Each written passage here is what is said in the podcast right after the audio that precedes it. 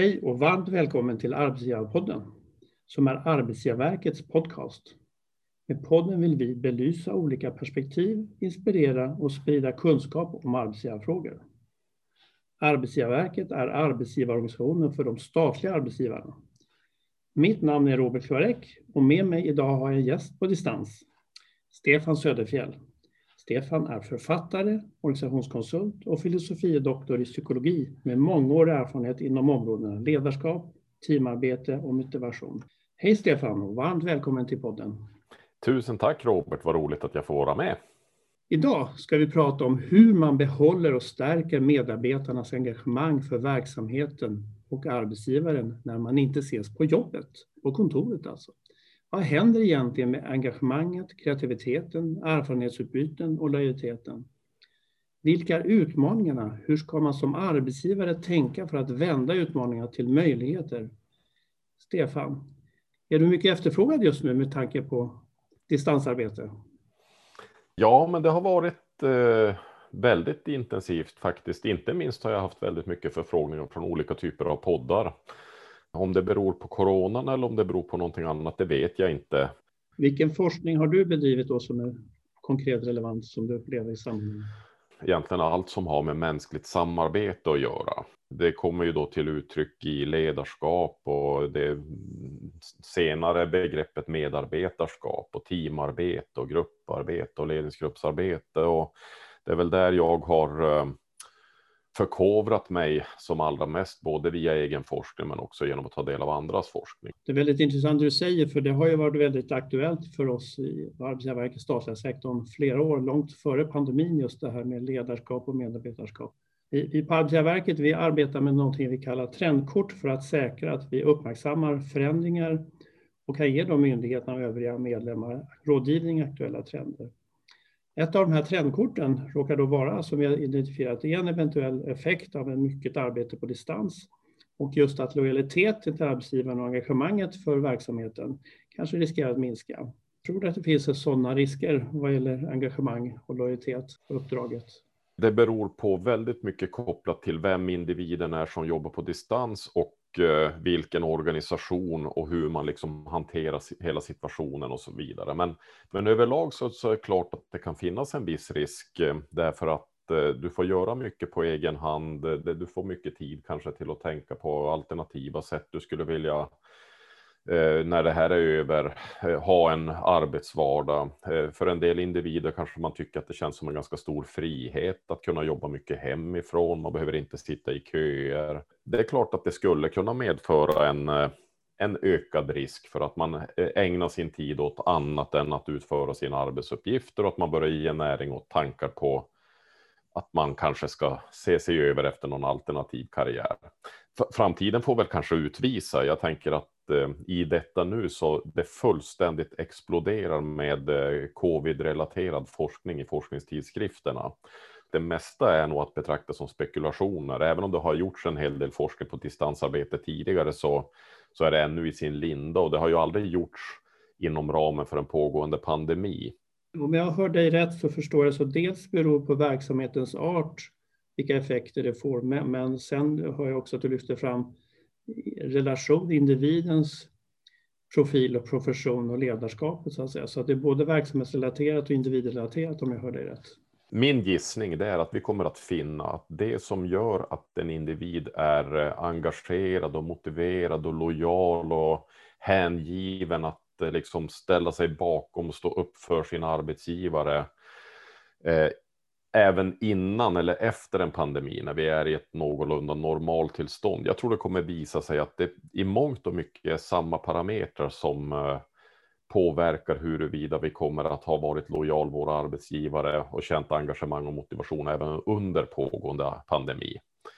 Eh, det, det, kommer visa att har vi goda relationer, gott samarbete med våra medarbetare och chefer, ja det kommer att påverka. Om vi upplever att vi har varit rättvist behandlade och att man tar vårt bästa i åtagande, så kommer vi uppleva eh, engagemang och lojalitet. Om, eh, om eh, man eh, aktivt jobbar med att få till bra mötesstrukturer i de här nya digitala forumen och Eh, satsa på kompetensutveckling så medarbetarna snabbt kommer, eh, kommer på banan och behärskar alla de här olika mötesrummen så kommer det ha positiv påverkan.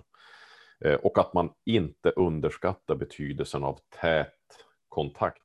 Intressanta spår. Med andra ord så finns det då ett, ett inledande moment innan vi går in på hur man ska agera. Finns det något sätt att på förhand göra någon sorts riskbedömning, alltså någon sorts vad är det man ska observera på förhand för att kunna identifiera riskerna i den egna verksamheten någonstans? Eh, jag skulle säga att det viktigaste är ju, och den kanske är egentligen tråkig, för den tar lite tid, men det viktigaste det är att genuint sätta sig och prata med sina medarbetare och fråga, hur upplever du situationen just nu? Vilka farhågor upplever du? finns det rädslor förenat med det här? Eh, hur, hur, påverkas din motivation? Alltså fånga upp det eh, via att höra av sig till medarbetare, samlas på ett Zoom-möte. Eh, låt medarbetarna få liksom sätta ord på hur man känner. Det finns ju det är faktiskt digitala möjligheter. Vi kan ju liksom skriva i en chatt hur vi mår för tillfället och försök liksom aktivt jobba med att fånga upp eh, för att kunna snappa upp om det finns eh, trender mot att man tappar motivationen och så vidare. Det är det aktiva ledarskapet så att säga. Och hur ja. ska jag som medarbetare göra för, för att eliminera risken eller identifiera risken så att säga? Det viktigaste är ju att inte hålla saker för sig själv, utan eh, om du känner att eh, du börjar vackla i ditt engagemang och i din lojalitet Eh, ja, det är klart att det, du får ju alltid göra en egen bedömning om du känner att du hellre skulle vilja eh, byta arbetsplats och söka dig någon annanstans. Den kan vi ju aldrig frånta en medarbetare naturligtvis, men det, som i allting annat så lägg saker på bordet. Prata med en kollega och berätta hur du känner och var, var i dina, dina funderingar går. Prata med din chef och berätta vilka tankegångar du, du går omkring och bär på. Det här är såklart lättare sagt än gjort, för det bygger ju på att det redan finns en upparbetad tillitsfull samarbetsrelation. I flera tidskrifter så har vd och höga chefer sagt att de vill ha medarbetarna tillbaks på kontoret efter corona när pandemin är över. De verkar oroliga för företagskulturen, verksamhetsutvecklingen och innovationskraften snarare än disciplin och medarbetares produktivitet. Ser du, är det någonting du har sett i din forskning och varför ser de det här, de här riskerna? Jag har sett det, inte i forskning, men däremot har jag gjort egna betraktelser när jag har varit i kontakt med eh, personer från olika verksamheter. Jag har faktiskt för eh, ja, det är väl någon månad sedan nu så hade jag kontakt med en, en eh, vd för ett privat bolag. De hade en väldigt stark farhåga att det här kommer slå sönder den kultur vi försöker att bygga i vår verksamhet. De hade jobbat väldigt intensivt under lång tid med värderingsfrågor och, och för att bygga liksom en, en sund, solid organisationskultur. Och man hade nu en, en stark farhåga att det här kommer slå sönder det. Eh, samtidigt så såg man att eh, Eh, Eh, medarbetarna levererade bättre verksamhet än vad man någonsin hade gjort. Beror det på att de helt enkelt får större frihet att själva styra sitt arbete på dagarna? Och det här kanske eh, är någonting som vi behöver ha i åtanke. Eh, en grundläggande komponent i motivation är ju en känsla av självbestämmande. För många medarbetare tror jag i verksamheter så har det här medfört kanske en ökad frihetskänsla att själv få får lägga upp sitt arbete. Eh, och med det så kommer då i alla fall initialt möjligen en, en, eh, för många människor en ökad motivation. De som har känt sig kanske lite för styrd och kontrollerade på sina fysiska arbetsplatser känner nu helt plötsligt en frihet som, som påverkar positivt. Men i förlängningen så har de ju också kanske en ökad frihet att börja titta i platsannonser och, och eh, se alternativa karriärvägar. Så att eh, professionell isolering kan ju då eh, en, ett, ett tag vara en fördel just för att man då får lite lugn och ro och producera det man håller på med helt enkelt. Och, och kan det här relateras till det här ökad användning av aktivitetsbaserade kontor eller kontorslandskap? Jättebra fråga. Alltså jag, eh, jag tror att detta de eh, en av de största produktionsbortfallen i, i verksamheter av idag, det är att vi blir störda av våra kollegor och chefer och medarbetare. Naturligtvis så tillför ju chefer och kollegor och medarbetare väldigt mycket gott också i form av socialt, eh, sociala behov och vi skrattar och kan samarbeta och så vidare. Men, men vi ska inte bortse från att vi också stör varandra med eh, de här hemarbetet så får vi ju mycket större möjlighet för många ska jag säga, inte alla, för nu dyker nya utmaningar upp. Nu ska vi ju konkurrera med våra partners och våra barn om ytor i vårt hem att kunna sitta ostört. Eh, men, men för ganska många tror jag det har varit kanske en befrielse delvis att slippa de här eh, kontorslandskapsliknande arbetsmiljöerna för att nu kan jag faktiskt sitta hemma i mitt Eh, även om det är ett sovrum, så sitter jag åtminstone ostört. Men vad är det som kanske gör att engagemanget minskar då? då? Vad är risken för, för, för det hela när man sitter hemma då? Man brukar i motivationsforskningen eh, säga att vår motivation, den är väl en produkt av många saker, men inte minst så är den en produkt av att vi känner oss kompetenta och dugliga. Eh, att vi känner oss, eh, det som jag var inne på nyss, att vi känner någon form av självbestämmande och valfrihet i det vi gör. Och slutligen att vi känner samhörighet och goda relationer med andra. Och när vi då känner kompetens, autonomi och samhörighet, då tenderar vi att eh, utveckla ett högre engagemang för det vi för tillfället ägnar oss åt. Men den sociala biten, den tror jag är den stora eh, flaskhalsen för att bevara motivationen när vi jobbar på distans. För att Zoom och Teams i all ära, det är inte samma sak som att få ta en kollega i hand, få eh, sitta runt ett bord och, och liksom höra sålet. Eh, och den tror jag jättemånga människor saknar faktiskt. Jag kan personligen sakna, det är ju det här liksom lite bollandet av idéer och får, man får utan planering få information om vad som händer i omvärlden och vad andra håller på med, så man får sorts input till det man själv håller på med på det viset. Vi är ju sociala varelser, så utöver att vi kan liksom bolla idéer med andra människor, vilket är jätteviktigt, för det ger ju oss perspektiv och vi får lite nya tankar om så här, så en väsentlig del av hela vårt identitetsskapande att, att säkra liksom tillhörighet i relevanta grupperingar. Vi jobbar ju i processer och som sagt beteenden när vi i normalt arbetsliv. Men, men, när man jobbar på distans, hur, hur påverkas processerna och beteendena och vilka, liksom, vad är de viktigaste förändringarna som du ser? Du har egentligen nämnt en del, men lite syntes.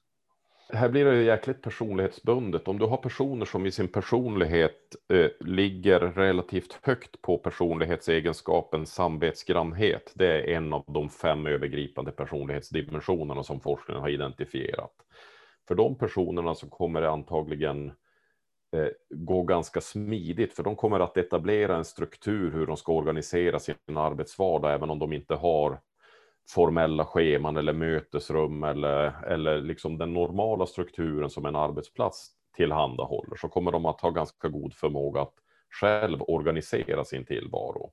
Sen har vi de här personerna som då är lite mer impulsstyrda. Eh, jag själv är, tillhör den här kategorin och här kan det ju bli till ett stressmoment när vi nu helt plötsligt behöver organisera oss och eh, vilket kan leda till, till liksom stress och, och, att vi tappar, tappar lusten för, eh, för det här. Och då tänker jag att, eh, att få hjälp att etablera någon form av struktur via att man har återkommande möten, exempelvis digitalt, där man pratar om vad har vi gjort under dagen och vad har vi för mål för eftermiddagen och så vidare tror jag kan bli väldigt viktigt för att eh, risken är annars att man far iväg i, i sånt som inte handlar om att utföra arbetsuppgifterna för att du har störmoment som en tv som bara ligger där och väntar på att få leverera en eh, ny serie på Netflix eller mobiltelefonen som skulle kunna föra dig ett samtal till en god vän eller för de som redan har det här naturligt i sig, de, eh, de kommer fixa det här. De gör det antagligen väldigt väl redan nu, men de som behöver lite stöttning, de kan behöva hjälp att få etablera ja, men typ checklister. Hur, hur, liksom, hur planerar jag för en dag? Den enskilda metod som i forskningen har visat sig ha kanske allra bäst eh, effekt på individuella och kollektiva prestationer, det är en metodik hämtad från amerikanska flygvapnet, tror jag ursprungligen, som heter After Action Reviews. Och den bygger på att du sitter med dina medarbetare och så, så berättar du om det här har jag försökt uppnå idag, så här har det gått för mig, de här problemen har jag stött på, det här har gått bra. Eh, och det här eh, behöver jag göra förändringar i. Och i ett sådant samtal kan du då få tips och idéer från dina arbetskamrater. Och den typen av metodik är ju egentligen så fantastiskt enkel för vem som helst kan nyttja den. Och detta till trots så är det väldigt få som gör det. Men, eh, men forskningen visar att i framförallt i arbetslag så är effekterna ganska påtagliga. Vi pratar om effektstorlekar i genomsnitt på uppemot 30-40 procent när arbetsgrupper börjar jobba med systematisk sån här after action reviews. Och effekten är nästan lika god på individnivå om en grupp enskilda individer sitter och, och strukturerat reflekterar kring, eh, kring vad man har gjort. Och där tänker jag att det här kan du göra lika väl i ett videomöte som du gör ett fysiskt möte. Hur ska man få det där debriefing eller after action review regelbundet? En gång i veckan eller ska man göra det systematiskt? Allt eh, motivationsfrämjande eh, arbete behöver vi göra mycket mer regelbundet än vad vi gör. Eh, vi har en, eh, skulle jag säga många gånger, naiv föreställning om att det räcker att vi sitter och sätter mål en gång per år eller halvår och att vi har utvärderingar och uppföljningar en gång per halvår eller år och har medarbetarsamtal en gång per år eller halvår. Det är på tok för glest. Alltså vi behöver ha mycket, mycket, mycket tätare kontaktytor där vi pratar om, okej, okay, vad är målet för kommande arbetsvecka eller kanske ännu tätare ibland. Eh, mm. Och också uppföljning där vi pratar om hur har det gått, vilka framsteg har jag gjort, vad har gått bra och dåligt, vad behöver jag hjälp med och så vidare. Och det finns en hel del faktiskt jättebra praktisk eh, kunskap och verktyg att hämta från eh, eh, från exempelvis mjukvarubranschen som jobbar med sådana här agila projektledningsmetoder där de har byggt upp hela ja, men arbetssätt helt och hållet anpassad för den här typen av kontinuerlig mål och uppföljningsprocess. Kollektiv intelligens finns ju ett begrepp också, att stötta den, men då behöver man ju vara ett kollektiv för att kunna främja den kollektiva intelligensen. Ja, men absolut. Filip Runsten känner jag ju och har eh, haft förmånen att, att träffa och föreläsa på olika konferenser med. Och när vi har pratat om våra respektive infallsvinklar så eh, Filip lyssnade på mig när jag var ute och pratade om after action reviews och då sa han att ja, men det, det du beskriver, det är ju det, liksom ett praktiskt verktyg för att främja kollektiv intelligens. Och det är ju mm. precis det det är. Du talar mycket om ett tydligt och närvarande ledarskap. Men betyder det då att det är kört för en introvert resultatinriktad chef? Absolut inte. Ledarskap handlar ju i mångt och mycket om att säkerställa att människor har klart för sig vad det är vi ska göra, vilka mål vi ska nå, vad verksamhetens syfte är och så vidare. Och sen att på olika sätt påverka. Och en person kan ju påverka exempelvis genom att visa med egen handling. Den kan på en, en introvert person behöver ju inte för den skull vara en, en dålig samtalspartner och coach och lyssnare, utan den kan ju tvärtom vara en väldigt god lyssnare som är bra på att få medarbetarna att känna engagemang. Och det jag tror är en utmaning för ledare, det är om man tror att, man, eh, att det kommer lösa sig om man släpper medarbetarna fritt. Det kan lösa sig i vissa fall om du har väldigt drivna medarbetare. Men man har testat det här med självstyrande team i, i många, många olika sammanhang och under lång tid. Och det man kan konstatera att det är ingen underlösning på organisatoriska problem, utan väldigt ofta så går det helt galet på tok. Och jag brukar då säga att ledarlösa team kan möjligen fungera, men, men ledarskapslösa team kommer aldrig att fungera. Och har vi då individer som själva kan axla ledarskapsfunktionerna i ett team, ja då kommer vi att få det att fungera. Men i många arbetsgrupper på avdelningar där den formella ledaren abdikerar eller slukas upp av administration och möten, då kommer det bara bli ett vakuum som medför mer dysfunktionella destruktiva konsekvenser än, än ett aktivt destruktivt ledarskap. Och den risken ökar när man jobbar på distans. Så, så ett, ett bättre ledarskap är en, en, en viktig del i lösningen. Den modell som ligger till grund för mest forskning och som har fått mest konsekvent stöd avseende eh, vad som fungerar väl när man utövar ledarskap. Den går under namnet Full Range Leadership Model. Eh, den beskriver då olika kluster av beteenden eller aktiviteter som du som ledare behöver behärska för att kunna påverka medarbetare mot uppsatta mål. Och eh, eh, grovt sett så indela, kan man dela in det i tre kluster av, eh, av viktiga beteenden. Den ena handlar om att hantera avvikelser. Det vill säga, det händer ju hela tiden att människor gör fel och misstag. Det kan vara både medvetna avvikelser där man slarvar medvetet eller beter sig illa, men sen har du den stora mängden oavsiktliga avvikelser. Och en viktig del i ledarskapet är att hantera avvikelser på ett konstruktivt sätt där den som beter sig illa får förståelse för att så får vi inte göra här eh, och hjälp att liksom eh, anpassa sig. Och den som gör oavsiktliga avvikelser får känna att här får jag stöttning att reflektera kring de här avvikelserna och dra lärdom av dem. Så avsätt tid, oavsett om det är fysiskt eller digitalt, till att prata om avvikelser och dra lärdom av dem. Den andra komponenten kallas för villkorligt förstärkande ledarskap. Fritt översatt från contingent reward. Eh, så villkorligt belönande eller villkorligt förstärkande. Och eh, Eh, den handlar då helt enkelt om att tydliggöra villkoren mellan ledare och medarbetare. Det här är förväntningarna som jag har på dig att du ska leverera i termer av resultat och arbetsprestationer och beteendenormer och ja, arbetstider eller vad det nu kan vara. Och det här kan du förvänta dig i gengäld i termer av lön, eh, arbetsresurser, mandat och så vidare. Så det, och sen då att aktivt jobba med att verkligen tillhandahålla och förstärka de beteenden som medarbetare uppvisar som är i linje med förväntningar. Och sen har vi en tredje kategori som kallas för transformerande ledarskap och den är väl kanske den stora utmaningen eh, i, digitala forum.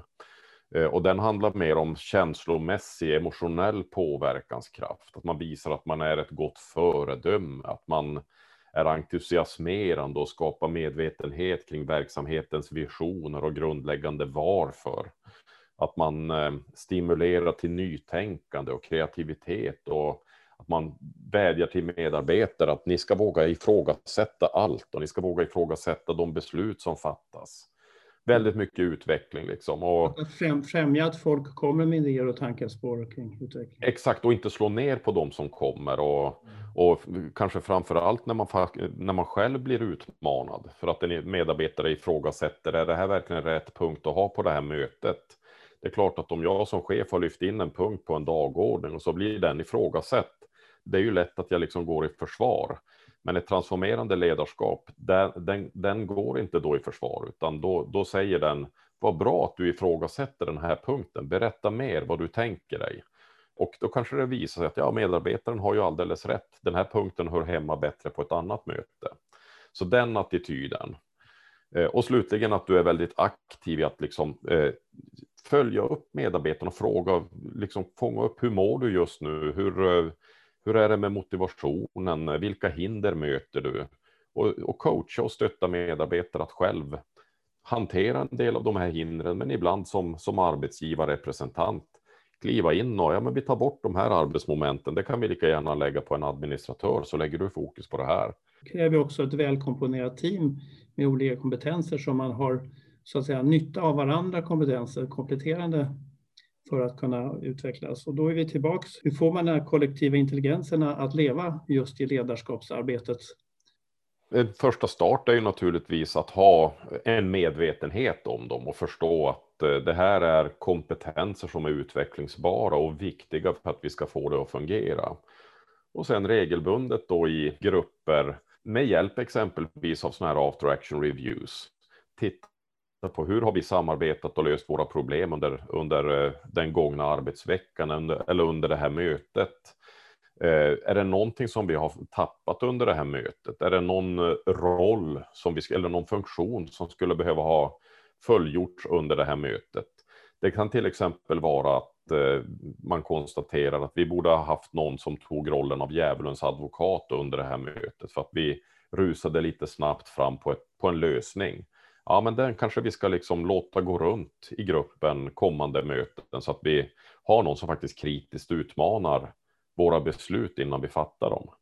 Mm. Eh, och, och, jag tänker med tät sån här reflektion så har du, det blir ju inget vattentätt tillvägagångssätt, men det blir åtminstone en möjlighet att relativt regelbundet kunna fånga upp avvikelser och potentiella förbättringsområden eh, som man kan liksom bygga vidare på. Jag tänkte ta upp några snabba, förhoppningsvis mer konkreta frågor. Vi får se om de är konkreta. Om man pratar med forskare, då blir det aldrig någonting konkret, eller hur? Så är det. Vad har störst betydelse för hur det fungerar för en medarbetare att göra jobbet utanför kontoret? Är det åldern eller personligheten? Personligheten. Administrativa eller utredande arbetsuppgifter? Utredande uppgifter i den mån du är eh, en person som har en god förmåga att driva ditt eget beteende och, och ha mycket eget driv. Administrativa uppgifter om du har en stor behov av struktur, ordning och reda för att de uppgifterna kommer vara lite mindre krävande i det avseendet att du behöver liksom sätta din egen eh, struktur. Teoretisk kompetens eller lång erfarenhet, vilken är? Ja, lång erfarenhet skulle jag nog för gissa har en större betydelse om du ska få det att funka hemifrån. Rutiner eller omväxling? Ja, även om jag är en person som själv trivs med mycket omväxling så måste jag nog ändå säga att jag tror att rutiner i det långa loppet eh, är vad som kommer göra att vi får det att fungera och det som håller oss kanske friska också mm. Eh, när vi ska jobba hemifrån. Och sen har vi då det här lite strukturella gemensamma regelverk i organisationen eller anpassade individuella förutsättningar. Principiellt så säger jag ju så här att för att om vi, om vi ska eh, behålla motivation hos medarbetare så är det klart att i den mån vi har möjlighet att göra vissa individuella anpassningar så kommer det vara klart överlägset.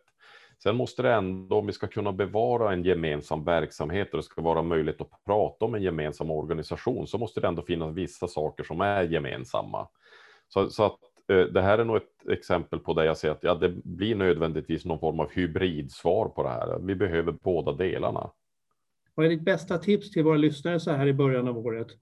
Hur kommer det se ut? Vad tror du? Hur ska man som medarbetare eller ledare ta sig an det nya jobbåret 2021?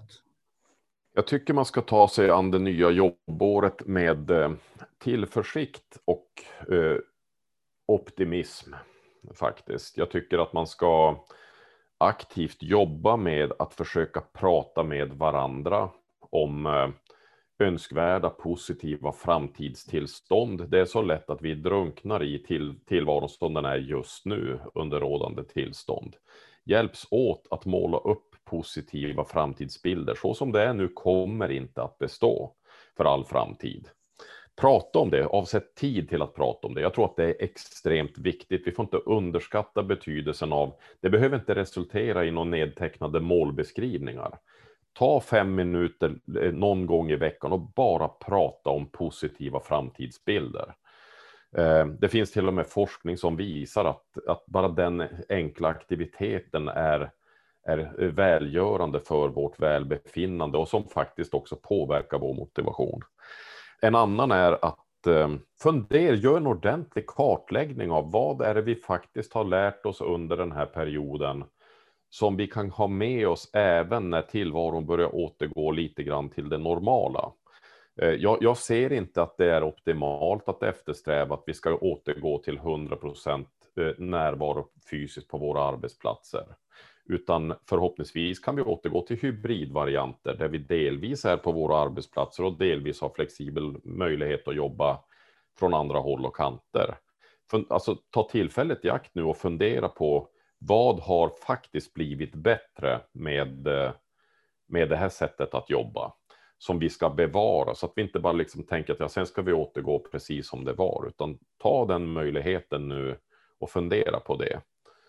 Och så sen tänker jag slutligen då, kom ihåg behovet av eh, mänsklig samvaro och goda relationer. Om det inte går att träffas fysiskt, glöm inte bort att det är bättre att vi ser varandra på en dataskärm än att vi inte ser varandra överhuvudtaget. Ta er tid och ha de här eh, sociala aktiviteterna även digitalt. Då börjar det bli dags att avrunda, Stefan. Vi har idag pratat om engagemang och lojalitet när vi inte jobbar på plats på kontoret och när vi inte ses. Och vi har pratat om, mycket om ledarskapet och den kollektiva intelligensen och teamarbetet. Stort tack till dig Stefan för att du ville vara med oss här idag och dela med dig av din kunskap, dina tankar och dina erfarenheter. Men innan jag släpper iväg det skulle jag vilja ställa en sista fråga, nämligen en sak, en poäng du vill att vi tar med oss. Det kan vara något du redan har sagt och vill förstärka eller något helt nytt. Jag vill att ni ska ta med er eh, begreppet after action reviews. Försök få till, oavsett vilken verksamhet ni eh, bedriver och håller på med, få till regelbundna strukturerade reflektionssamtal där syftet ska vara att lära och utvecklas tillsammans. Det vill jag att ni ska ta med er. Tack ska du ha och tack till dig som lyssnat. Om du har några frågor eller förslag på ämnen som du vill att vi ska prata om i podden, hör gärna av dig till oss på webb arbetsgivarverket.se. Mitt namn är Robert Varek. Vi hörs snart igen. Hej då! Hej då! Tack så mycket!